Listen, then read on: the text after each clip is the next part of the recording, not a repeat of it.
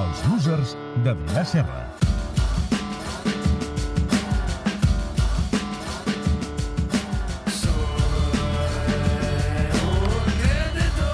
Adrià Serra, com Què estàs? tal? Molt bé.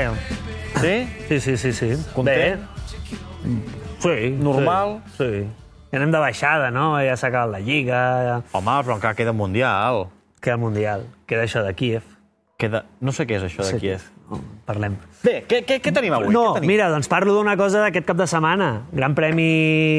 Gran premi a Montmeló. D'aquí uns minuts donarem el guanyador d'un abonament doble, per tant, compte. Sí, senyor. Què vol dir? No ho sé. No serà per tu. No? No, no serà per tu l'abonament. Bueno, doncs mira, et porto un tema de Fórmula 1 i per ambientar-nos vull que posem una cançó que és un clàssic clàssic espanyol. A veure, aquest clàssic. A veure si sona. Más acelero, más calentito. Aquesta cançó... Aquest era el fill de... De qui era el fill? Del Fari? Fari, no? no sí. Era el fill del Van Fari, no? Cantero, no? Javi Cantero. Javi perdó, Cantero. Javi Cantero. És la banda sonora del protagonista d'avui. Cuanto Això. más acelero, más calentito Cuanto más me pongo. acelero, más calentito me pongo. Eh, puja, Perquè- puja, puja, puja. perquè explica la vida del, del, nostre, del nostre prota, que és, un, evidentment, un pilot de Fórmula 1. Gens loser, en realitat, va guanyar un Mundial, un campionat del món, Ah. un, i és un playboy megatop. És a dir, cuanto más acelero, más calentito me pongo. Això, aquesta és la seva frase. De qui parlem? De James Hunt, James Hunt. James Hunt, eh, pilot de Fórmula 1 anglès, una mica one hit wonder, és a dir, una mica com Javi Cantero, eh? d'una vegada i, i prou. Va guanyar un Mundial i després ja, ja es va acabar. Eh? Juan afirma haver practicat sexe amb 5.000 dones bé. durant la seva vida. 5.000 dones, eh? Diferents. 5.000. Va morir abans dels 46 anys.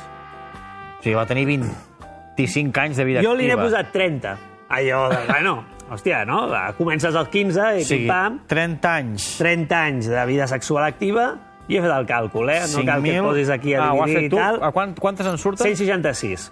166 dones a l'any. 3 per setmana. No està mal. No? És viure bastant a tope, eh? No, 166... No. No ho sé. Sí, 52 Som de- setmanes. Sí, som de lletres, no 3, t'esforcis. 3, 3, 3 per setmana. Vale, perfecte, doncs tres farsa, per si ho, diu, si ho dius tu, eh, és així. És una mitjana bastant correcta. Molt, molt correcte. En tot cas, saps que hi ha un debat sobre si el sexe abans de competir és bo o dolent. Sí. Vale?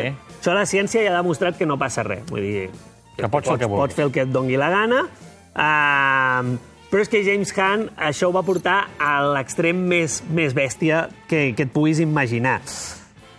Bàsicament es va dedicar a córrer i a i a córrer, bueno, i a, la- i a lo altre, no? A, El verb Eh? reflexiu. Ah, exacte.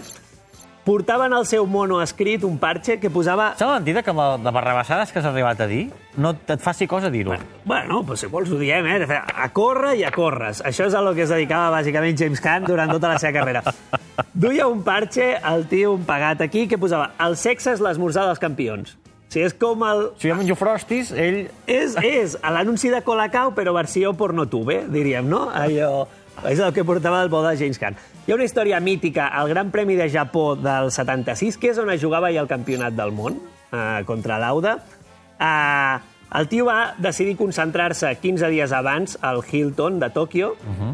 que dius molt bé, perquè et concentres aquí, et vas ambientant, però bàsicament eh, ho va fer perquè es va portar un col·lega eh, amb ell, i aquell era a l'hotel on les asafates de British Airways feien el seu descans de 24 hores. Doncs la seva rutina d'entrenament era baixar cada dia al vestíbul, quan arribaven les asafates... Hostesses. Convida... Hostesses, perdó. Les convidava a la seva suite, on hi havia una festa party non-stop 24 hores, amb de tot, marihuana, cocaïna, alcohol i el que et donés la gana, i bàsicament va estar 15 dies fent orgies sense parar a l'hotel Hilton de Tòquio. Això abans de jugar-se al, al Mundial. Va guanyar el Mundial? Va guanyar aquell Mundial, sí senyor. Tu diràs, bueno, potser va estar 14 dies dale que te pego, però l'últim va descansar abans de... cor. No, no, no, no, perquè Patrick Heath, que és uh, un dels fundadors de Williams, se'l va trobar uh, fent fuki-fuki 10 minuts abans d'agafar el cotxe per sortir a pista. amb una, Al amb una circuit. hostessa japonesa, sí. Al circuit. Al circuit, és a dir, no en va tenir prou amb estar 15 dies allà de la que te pego al Hilton, sinó que, pum, abans de sortir a, a córrer també.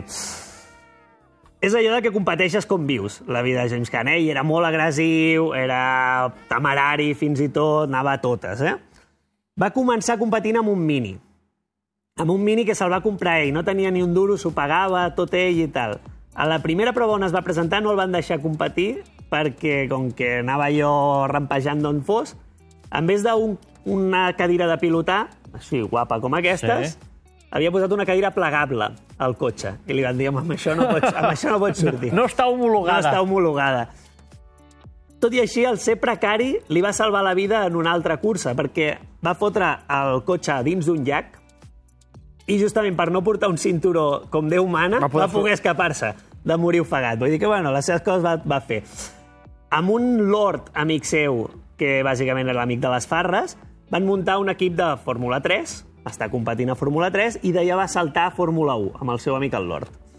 Bàsicament es dedicaven més a muntar farres després de la cursa. Hagués passat el que hagués passat, la majoria de curses no les va acabar la primera temporada, que a posar a punt el cotxe. Eren com els pallassos del paddock, però els més fiesteros de tot.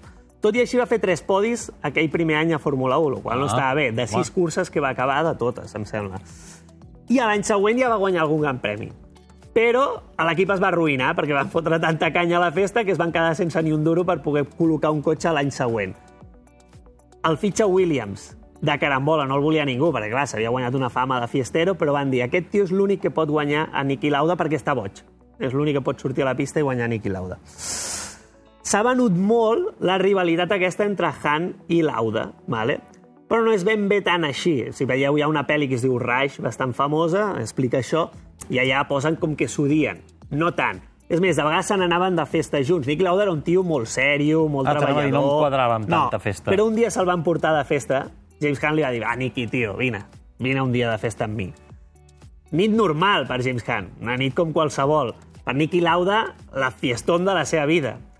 L'endemà, Lauda tenien un test i va decidir trencar la, la caixa de canvis per no haver de sortir a pista. Va dir, mira, jo me'n vaig a l'hotel perquè no puc.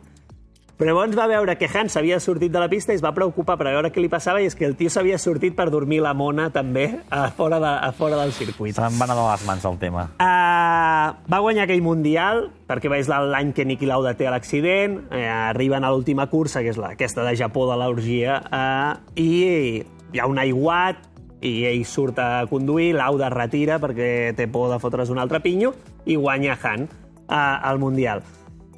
No fa res més. Després d'aquell Mundial, festes, farres i tal, alguna depressió i algun moment complicat, i mor molt jove, Amb 46, amb no? 40, no, no tenia ni 46 anys. Això sí, en el testament deixa una partida perquè els seus amics se'n vagin de festa per celebrar-ho. Veus que bé?